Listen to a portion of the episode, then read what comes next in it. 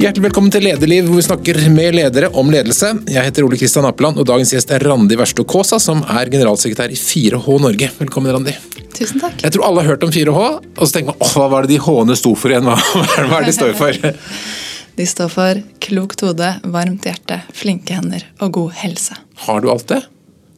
Å, guri. Ja, det er mye å skulle leve opp til. Men eh, jeg må prøve så godt jeg kan, si. Mm. Og Dette er en ganske stor barne- og ungdomsorganisasjon. Hvor mange medlemmer har dere? Ja, vel, I Norge så har vi nærmere 11 000 og 460 klubber rundt om i hele landet. Og mange 4H-ere, hvis man hvis det heter det, er på leir i sommer. Hva er det som skjer på en 4H-leir? Um, vel, vi har mange 4H-leirer for forskjellige aldersgrupper. Så For de yngste så er det aspirantleirer, og de foregår i fylkene. og Vi har 16 4H-fylker. Hvor gammel er man da når man er aspirant? Eh, Da er man fra 10 år får man lov til å gå på den. Og så Fra 12-årsalderen så får man gå på fylkesleir, som det også er 16 av.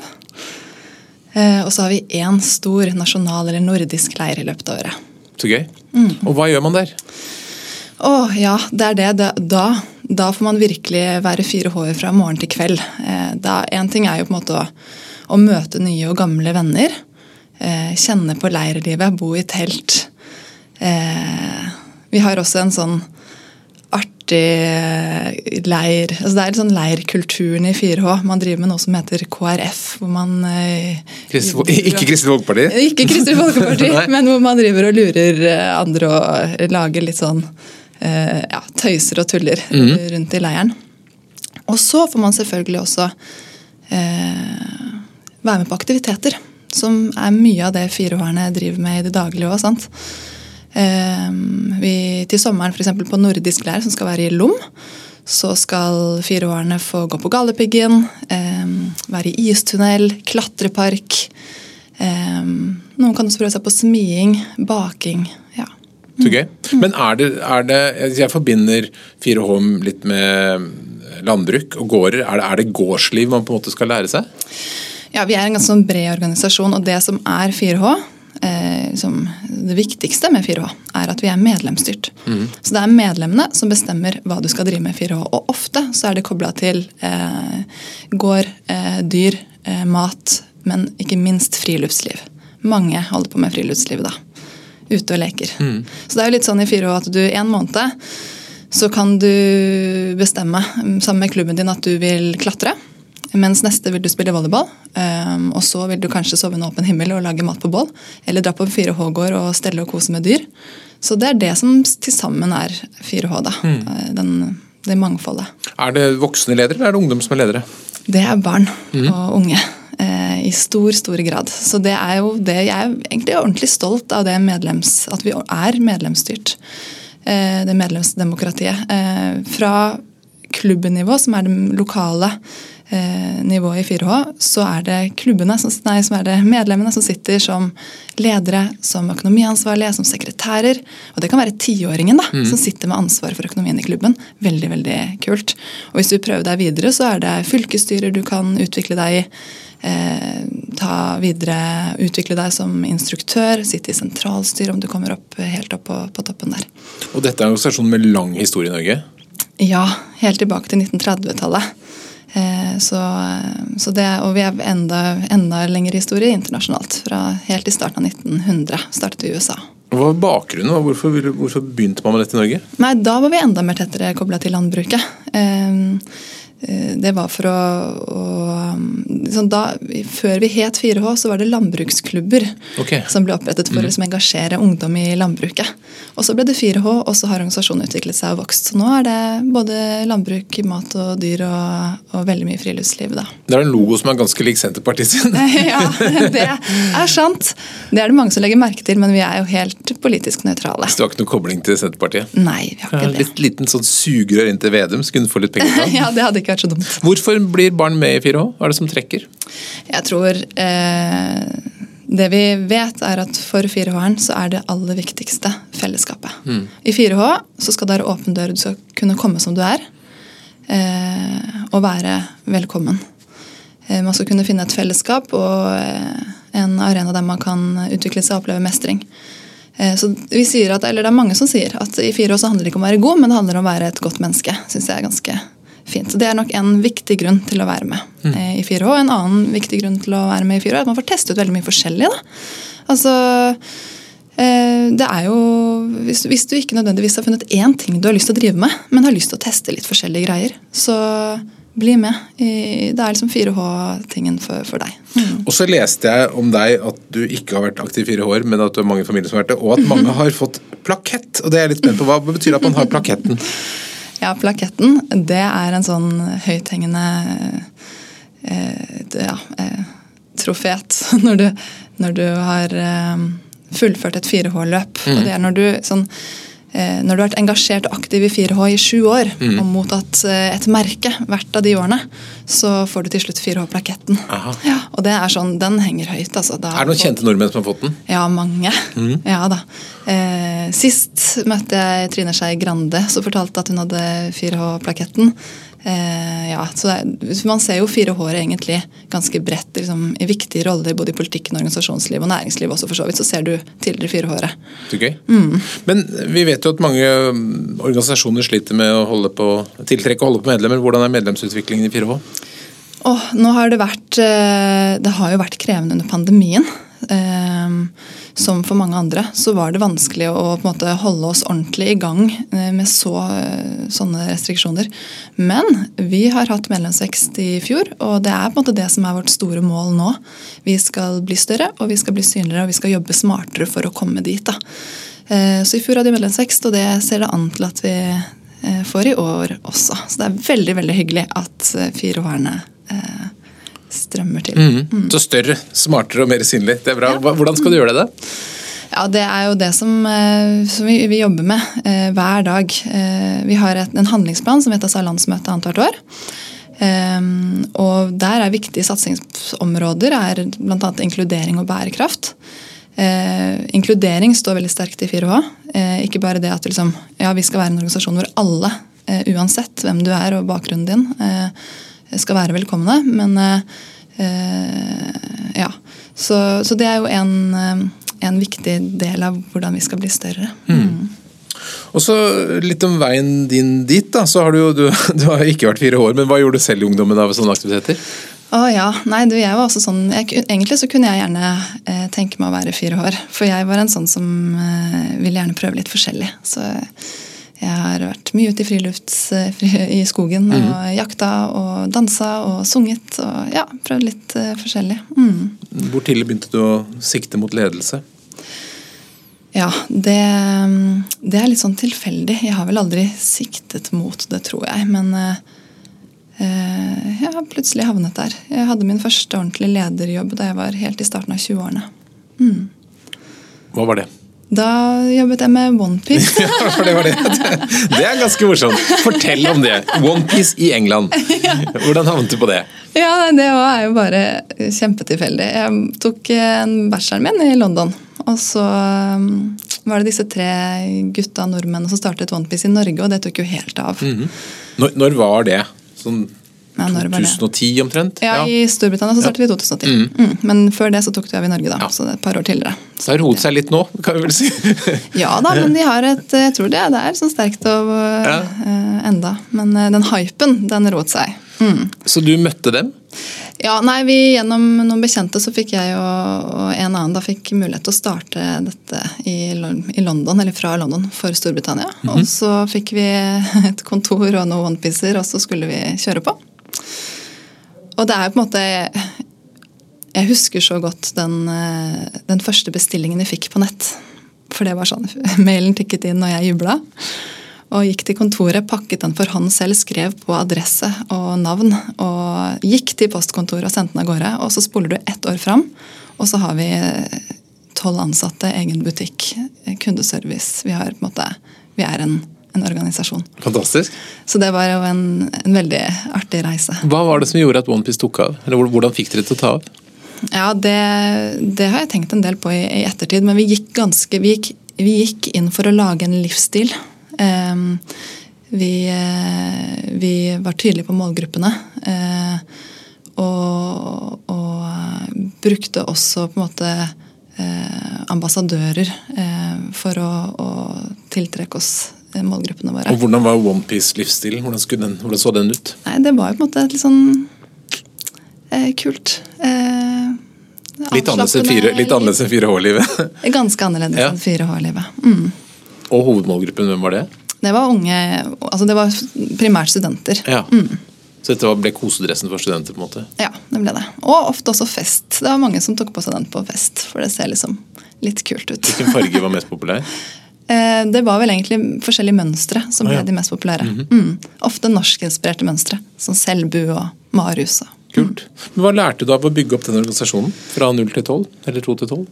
Nei, det, det Kanskje det jeg um, lærte var det, det, Kanskje noe av det viktigste jeg lærte var å være fleksibel.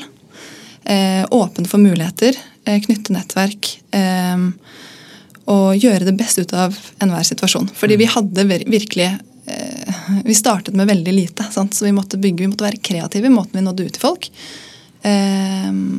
Og en fleksibilitet på den veien har, har nok mye å si for at det gikk bra. Har du noen eksempel på kreativiteten? Ja, hmm, det er et godt spørsmål. Jeg det handler f.eks. om å, når, vi, når, man møter en på, på gata gjennom en, en, en venn som er med på å arrangere um, en liten festival uh, langs Themsen. Ok, kult. Kan ikke vi ha en stand der? Neste helg? Ja ja, da avlyser vi planene, og så gjør vi det. Sånn var det litt. Mm. Mm. Gjorde du noen feil som du lærte av? Ja. ja. Det er jo Jeg har nok gjort mange feil, både da og nå. Mm. Men på en annen side så tror jeg, har jeg også fått høre at jeg må bli flinkere til å tråkke i salater. Eh, så jeg har nok nå de siste årene tråkket i en del salater og gjort en del feil, men eh, tidligere så var jeg veldig redd for å gjøre feil. Og Hva var det som har fått deg til å liksom, tro at du bør gjøre mer feil? Eh, nei, det, det, er nok litt sånn erfaring. At jeg og, Fordi at man oppnår mer med å ta litt sjanser? Ja. Og fordi at jeg også lærer at eh, Nei, jeg vet ikke. Det er på en måte Å lære ved å gjøre kan vi alle sammen. Mm. Eh, også ledere.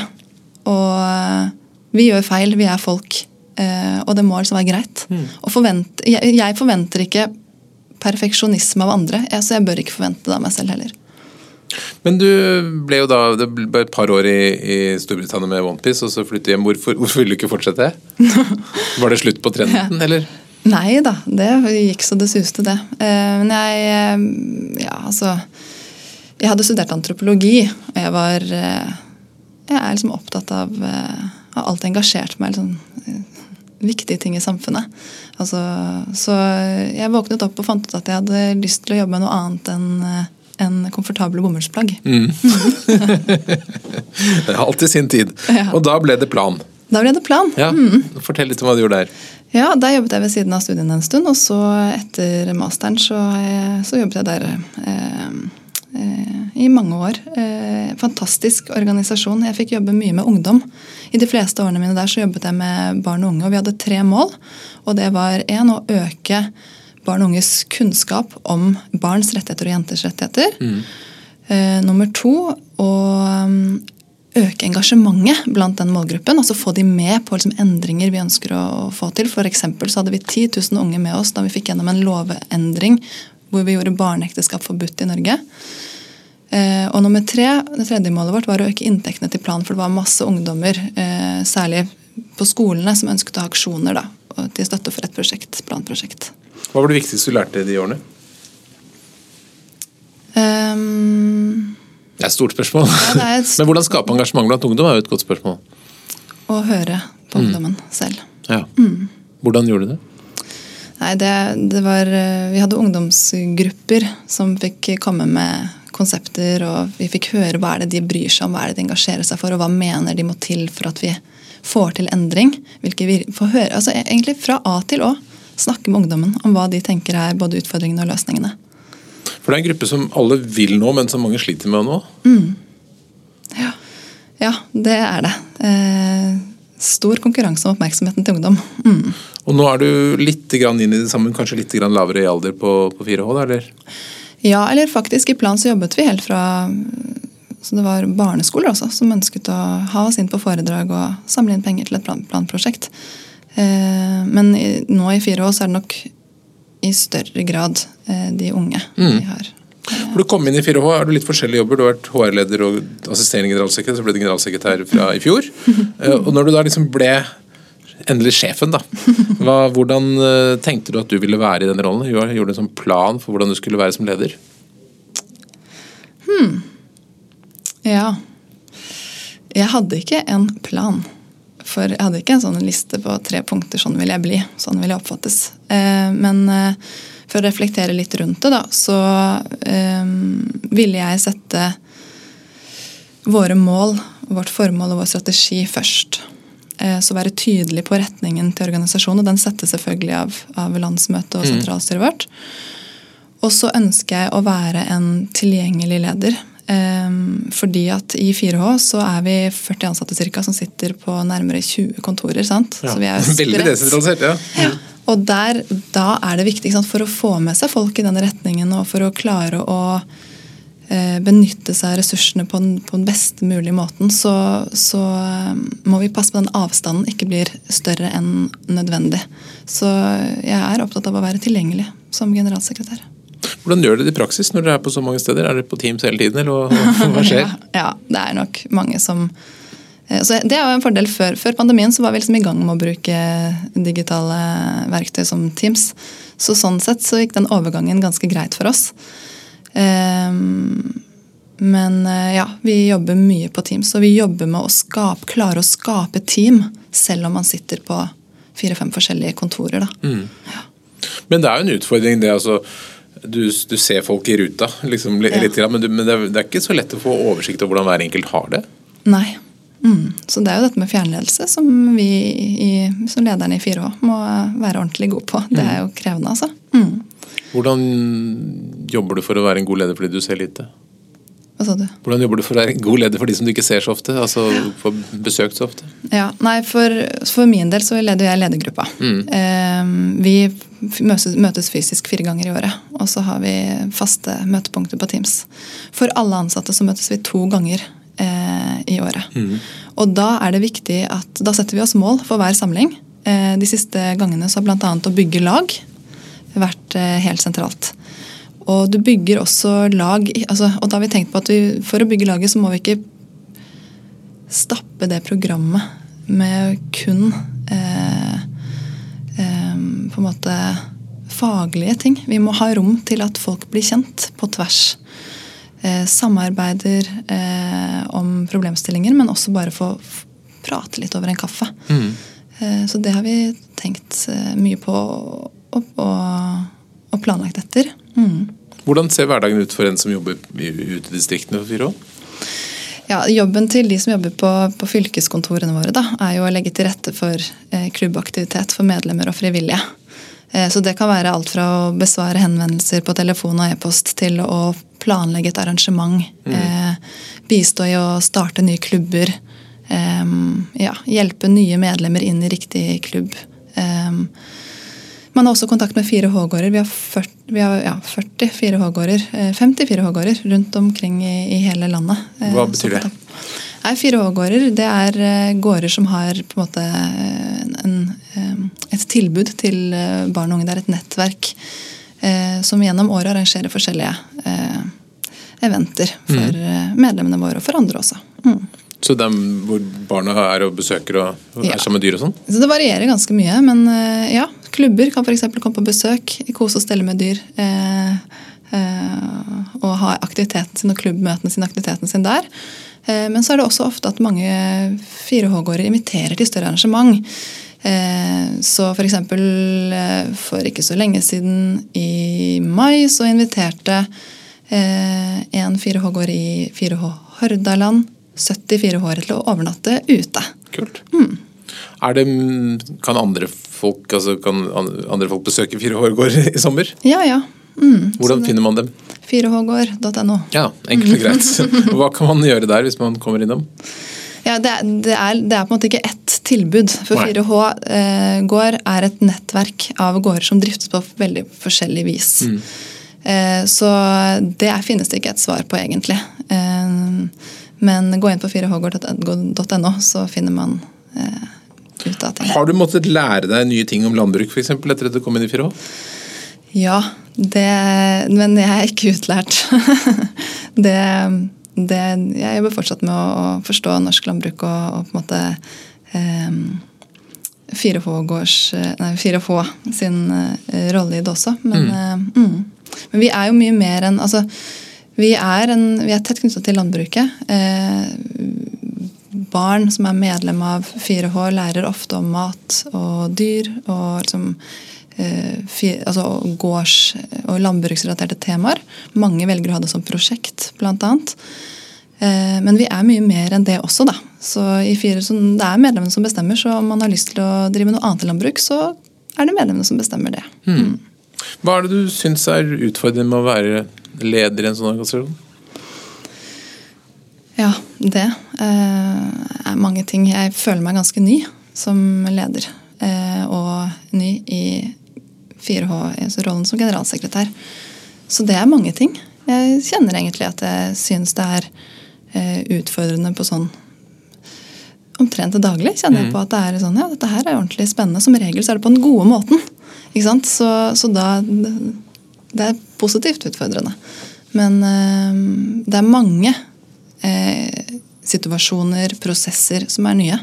Som, eh, hvor 4H både har en historikk som ikke jeg kanskje kjenner til, eller at det er mange hensyn å ta som jeg burde kanskje gjort. Mm. Noen folk jeg burde snakket med som jeg ikke kjenner til. Det er sånne type ting da, som man etter hvert som man har jobbet i en organisasjon lenge, altså, lenger, så forstår man litt mer eh, disse tingene. Men eh, ja, jeg vil si at det er eh, det er mange ting som mm. er mm. Hvis du fikk en tryllestav, mm. hva ville du helst forandret? Hva var det du ville gjort? Det er, det, er, det er, et uh, vanskelig spørsmål, Ole Kristian. fordi at uh, i, det jeg Jeg er så heldig som får lov til å lede en organisasjon hvor det er så mye ting som fungerer så bra. Mm. Og det er så mye flinke folk, og det er så mye engasjement, og ikke minst enormt mange 4H-hjerter ute blant de frivillige. Så jeg har ikke noe én eh, ting jeg ville endret. Men hvis jeg Eller jo, vet du hva? Det jeg hadde hatt lyst til å endret, var at alle i hele Norge skulle vite hvem 4H var. Mm. Men det kommer du kanskje til å klare å endre òg? Vi jobber i hvert fall med det. Det mm. står helt øverst på lista vår å jobbe med synlighet og det å få, invitere flere folk og medlemmer inn. da. Men der, det, du har jo den utfordringen, altså det er jo hundrevis av organisasjoner i Norge, og alle skulle ønske at alle visste mye mer om dem. Så det er en mm. hard kamp om oppmerksomheten. Hvordan tenker du å liksom gå frem for å vinne oppmerksomheten? Ja, Nå har vi egentlig staket oss ut en kurs nettopp på akkurat dette. Vi skal jobbe med identiteten vår. altså Hvordan skal vi kommunisere hvem 4H er. Eh, det er, det er, veldig viktig for oss. Fordi mm. at vi er en såpass bred, eh, mangfoldig organisasjon, så trenger vi å kunne forklare det på en enkel, kort måte som medlemmene våre forstår. Um, og så skal vi jobbe med nummer to. Den andre tingen vi skal jobbe med, er målgrupper. Hvem er det vi skal nå? Uh, nummer tre er uh, tilbudet vårt. Hva er det egentlig vi tilbyr i et medlemskap? Uh, I et medlemskap og for frivillige. Og så nummer fire er å øke kjennskap og kunnskap om 4H. Mm. Så nå har vi staket ut den kursen, og det er egentlig mye vi har lyst til å gjøre. Vi starter denne uka faktisk med et sånt eh, systematisk arbeid med de fire områdene. Så bra. Mm. Men eh, jeg vet ikke, totalt sett engasjementet blant barn og unge til å gå inn i organisasjonen, altså Du konkurrerer mot uh, iPad og alle mulige andre digitale ting. Er det like stor vilje som før til å være med i en organisasjon? Ja, det eh, Altså Jeg tenker vel som så at det, når vi ser at skjermbruken blant barn øker, så kjenner jeg på at da er det enda viktigere at vi er et eh, At, at 4H mm. fins. Og at tilsvarende organisasjoner er et godt alternativ hvor man kan eh, være ute i naturen, eh, møte nye og gamle venner. Så ja, det er en kjempehard konkurranse. Men jeg tenker at vi bare bretter opp ermene. For vi, vi, skal ingen sted. Vi skal heller vokse og, og være en arena. For mm. det er mange som trenger sånne fristeder som 4H og tilsvarende. Nå vet at du ikke har vært så lenge i organisasjonen, men, men har 4H forandret seg mye? Hvis, hvis, er det, ser mye annerledes ut nå enn det gjorde for 20 år siden? Ja, eh, det er en del ting som har endret seg. Nå er jeg ganske ny i organisasjonen fortsatt. Ehm, men ehm, vi har endret litt på, på både tillitsvalgtstrukturen. ehm, Og vi har også blitt en helt selvstendig NGO. Tidligere så var vi enda mer Vi var koblet tettere til eh, Vi hadde kontor på Fylkesmannens kontor, f.eks. Ja. Så så blitt mer men aktiviteten mm. ja, ja. Men eh, aktiviteten vil jeg si er ganske lik. Så det å være 4H-er, eh, eh, og at vi er medlemsstyrte, og at det ofte er aktiviteter utendørs og sånn, det, det består. Så voksne folk som kommer på et, eller hvis man dukker opp på en 4H-leir, så vil man ikke gjenkjenne til ganske mye? Ja, det, jeg, det, det er det jeg tror. Mm, så får du heller spørre noen fire 4H-ere som var der for 20 år siden Da. Men får du tid til å være sammen med noen barn, da? Eller blir det bare å sitte på kontoret? Jeg gleder meg veldig, fordi at uh, i, ja, nå i sommer så skal jeg på, på nordisk leir i Lom. Så da er det jo ikke 600-700 eh, barn og unge, eller unge, ungdom, som eh, møtes i Lom for aktiviteter. Så det gleder jeg meg veldig til. Mm. Hva blir høydepunkt på leiren? Nei, det For min del så blir det å snakke med 4H-eren. Mm. Og uh, høre hva de tenker om organisasjonen vår. Uh, hvordan vi kan bli synligere, hvordan vi kan bli større. Hva de setter pris på. Uh, ja. Dette med mm, altså landbruket, natur, bærekraft, på hvilken, hvilken måte påvirker det arbeidet? Er dere en aktiv pådriver for bærekraft? Ja, bærekraft står høyt oppe på, på handlingsplanen vår. Det ble liksom vedtatt som et nasjonalt eh, satsingsområde i fjor av landsmøtet. Eh, vi jobber med en plan for hvordan vi skal jobbe enda mer systematisk med bærekraft. og Det er fint for bl.a. Frivillighet Norge har satt det på agendaen og, og, og har hatt flere nettverksmøter hvor, hvor vi, mm, organisasjonene, kan få litt inspirasjon og, og lære. da. Eh, vi... eh, Eh, Det er helt klart at 4H jobber med bærekraftsmålene. Bare i det vi gjør, altså i vårt DNA, så ligger bærekraft eh, helt sentralt.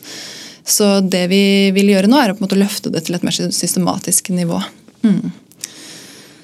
Og så sliter vi med at øh, mange familier har ikke så god økonomi for tiden. Vi har hørt at idretten er veldig dyr, og mange kan ikke være med der. Hvordan, er, det, er det billig å være med i 4H? Nå kan du reklamere. Ja da, det skal ikke koste all verden å være med i 4H. Og hvis eh, økonomi hindrer deg i å delta, så ta kontakt med oss, for da finnes det også støtteordninger. Eh, i, ja, så da har vi eh, støtteordninger. Og det vi, altså Inkludering som jeg sa, er jo også en, en, et viktig satsingsområde eh, for, for 4H. Og, og i det så handler det om å inkludere også eh, eh, Uavhengig av, eh, av økonomisk status skal du være velkommen hos oss. Og vi har en arbeidsgruppe som jobber med det. eh, Med inkludering. Hvordan skal vi bli en mer inkluderende organisasjon på alle nivå av, av 4H? Um, og da er økonomi et av stikkordene. Så, Har du merket på noen måte at økonomi er noen barriere for noen? nei, vi gjorde en stor undersøkelse i fjor høst. Uh, og en av de gruppene vi, vi på en måte hentet innsikt fra, er ut, utmeldte. Og det er veldig, veldig, veldig få, omtrent ingen, som svarer at økonomi er en årsak til at man melder seg ut av 4H. Det er vi glad for, da. Vet du sånn, omtrent hva det koster å være medlem? I 4H? Ja da. Det, altså, det kommer litt an på hva slags medlemskap du har. Ja. Eh, men du sånn 500-600 kroner i, i året. Det var ikke så mye. Nei. Det syns jeg var rimelig. Ja. Og Det betyr at dere antagelig ikke lønner lederne deres, det er frivillige som er ledere. Det er frivillige som er ledere i 4H. Hvor attraktivt er det å være leder i 4H? Ja, du, det er, eh, det er så spennende, fordi at eh, 4H-erne Kanskje du kommer inn i 4H og, og ikke nødvendigvis er en sånn lederspire, men eh, du opplever etter hvert at eh, fra ung alder at du har en stemme. Den er viktig. Eh, og så er det mange som da etter hvert velger å ta på seg verv i klubben. Eh, altså verv på fylkesnivå. Eh, så det er attraktivt. Vi har jo vi har eh, fantastisk engasjement i organisasjonen. Men nå, du, du og disse 40 andre jobber jo på dagtid og får penger og sånt nå, så skal dere jobbe sammen med, med frivillige som da kanskje ikke har så mye tid til akkurat dette. Hvordan er det, det der samspillet mellom profesjonelle og frivillige? Funker det, eller hvordan, hvordan får man det til å funke? Ja. Men jeg nesten spørre deg om også, at det, det har vi nok eh, erfaring med begge to. Eh, Er det vanskelig? Er det, altså, kan man, er det vanskelig hvilke forventninger man kan stille til folk som bruker av fritiden sin? Ja, det er klart det. Og så er det så er det så mye som skjer i livene våre. Mm. Eh, altså, fritid er noe annet enn det var for mange år siden. Altså, eh, så jeg tror vi, eh, vi må I 4H må vi gjøre alt vi kan som ansatte eh, for å gjøre det enkelt og gøy å være Mm. frivillig. Givende. Altså eh, gjøre byråkratiet så lite, så lite som mulig, og så eh, la frivillige få tid sammen med barn og unge, som det er det de ofte syns er det, det mest givende. For det er vel en utfordring. Vi, vi har jo en del erfaring med frivillighet. Nettopp det du sier, at eh, man kan bli dratt inn og så blir man sittende og fylle masse skjemaer og meldingting, og så, så blir så blir det ikke akkurat det man kom for. Nei, nei, det er akkurat det. Hva tenker du at det kan gi folk å være 4H-leder? Ja, altså Som frivillig, hvis du f.eks. er klubbrådgiver, da, som er den voksne ja, sant? Som er den voksne veilederen Mhm. eh, til klubben. Eh, så um, så er fordelen ved det er at man eh, får være sammen med barna. Mm. Som frivillig. Så, så er det ikke eh, Så er det å få, få, få bruke tid. Mm. Eh, gjøre aktiviteter sammen med, med ungdommene. Og så er det mange organisasjoner som opplever sånn dere spør noe kan være Jeg kan godt eh, gjøre sånn og sånn, men jeg vil ikke ha noe fast eller vil ikke forplikte meg. Det er, ganske, er det noe dere føler på også? Eh, ja. Mm. Så det er eh, Vi trenger flere klubbrådgivere, faste frivillige, i 4H. Så om man eh, føler seg kallet, så ta kontakt med oss. Jeg Du lover. Ja. Ja, nei, men det- ja. Det trenger vi, fordi at vi ser også at det er, det er ungdommer som, og barn som ønsker å starte 4H-klubb, og så Mm. mangler vi frivillige. Så vi trenger frivillige, faste frivillige i 4H. Mm. Hva har gjort eh, liksom, mest inntrykk på deg når du har kommet inn i 4H? Ehm, Det jeg tenker mye på nå om dagen, er vel egentlig samfunnsbidraget vårt. Mm. Vi er en viktig organisasjon for samfunnet. Mm. På hvilken måte? Nei, Nå har vi snakket mye om inkludering. Ehm, Det at man kan komme som man er, og man skal være velkommen. Eh, Og så handler det om lederutviklingen eh, og hvilke ressurser det Hvilke ressurser 4H skaper for samfunnet vårt på lang sikt. sikt. Og så er det også at vi bidrar til at barn og unge skal ha et godt og attraktivt tilbud uansett hvor i landet du bor. Eh, Det er viktig. Ehm, Så vi har jo 450-460 4H-klubber rundt omkring i kriker og kroker av landet vårt. Mm. Ikke tradisjonelt så veldig store i byene. Ehm, Så, så det er et viktig samfunnsbidrag. Og så syns jeg også et, et, annet, et fjerde siste samfunnsbidrag Da skal jeg eh, snart avslutte, men eh, Mye bra bidrag, ja. er, er, folkehelse. Fordi at eh, både mentalt og fysisk så tror jeg 4H er en, en, en arena som eh, som gjør godt. Mm. Du nevnte at det ikke er noe sånn typisk byorganisasjon. Er det et mål? Altså, ser du for deg, kan vi se for oss Bjørvika 4H om en stund, eller hvordan tenker du rundt det? Eller skal dere holde dere på landet? Nei da, vi, vi 4H altså, Når jeg snakker med byforeldre, Mm. for å si det sånn, da, så ønsker man også et grønt pusterom for barna sine som byforelder. Så vi er like aktuelle i byen eh, som i distriktene. Eh, men eh, ja. 4H Bjørvika om et par år, helt, helt klart. det er en bra ambisjon. Hei sann, jeg trodde jeg hadde skrudd telefonen min, det hadde jeg åpenbart ikke. Men er det, når du er leder øh, i denne rollen, du har jo da ikke sånn veldig stor bakgrunn fra før, annet enn da Onepiece. Har du noen, noen forbilder, eller hvordan liksom orienterer du deg på hvordan du skal være som leder? Ja, jeg, jeg har vel ikke ett forbilde, men det jeg gjør nå, eh, som jeg merker at jeg holder på med, er å suge til meg litt fra alle kanter. Mm. så eh, jeg prøver å lære av flinke folk jeg møter, og det er mange. Og særlig lærte jeg mye av, av eh, og lærer jeg fortsatt mye av eh, basisgruppa jeg gikk Solstrand Accelerate, som er et Ja. lederutviklingsprogram. Så bra. Eh, Jeg er Solstrand-fan. der, eh, der har jeg hentet mye. Ja, så bra. Har du også et nettverk med andre mm, generalsekretærer i frivillige eller ungdomsorganisasjoner? Ja da. Mm. F.eks. Norsk Friluftsliv. Der møtes generalsekretærene i friluftslivsorganisasjonene. Eh, Deler dere hemmeligheter her, er dere konkurrenter? Nei, jeg vil, jeg vil si at vi, vi kan løfte blikket litt da. Og Mm. se, se på, på måte, det store bildet av, av hva vi eh, til sammen bidrar med. Og Mm. at vi alle er viktige, fordi vi er forskjellige organisasjoner. Hvis du prøver å se litt fremover, hvordan ser 4H ut om 10-20 år? Ja, da er vi større, synligere og smartere. Ja, Enkelt og greit.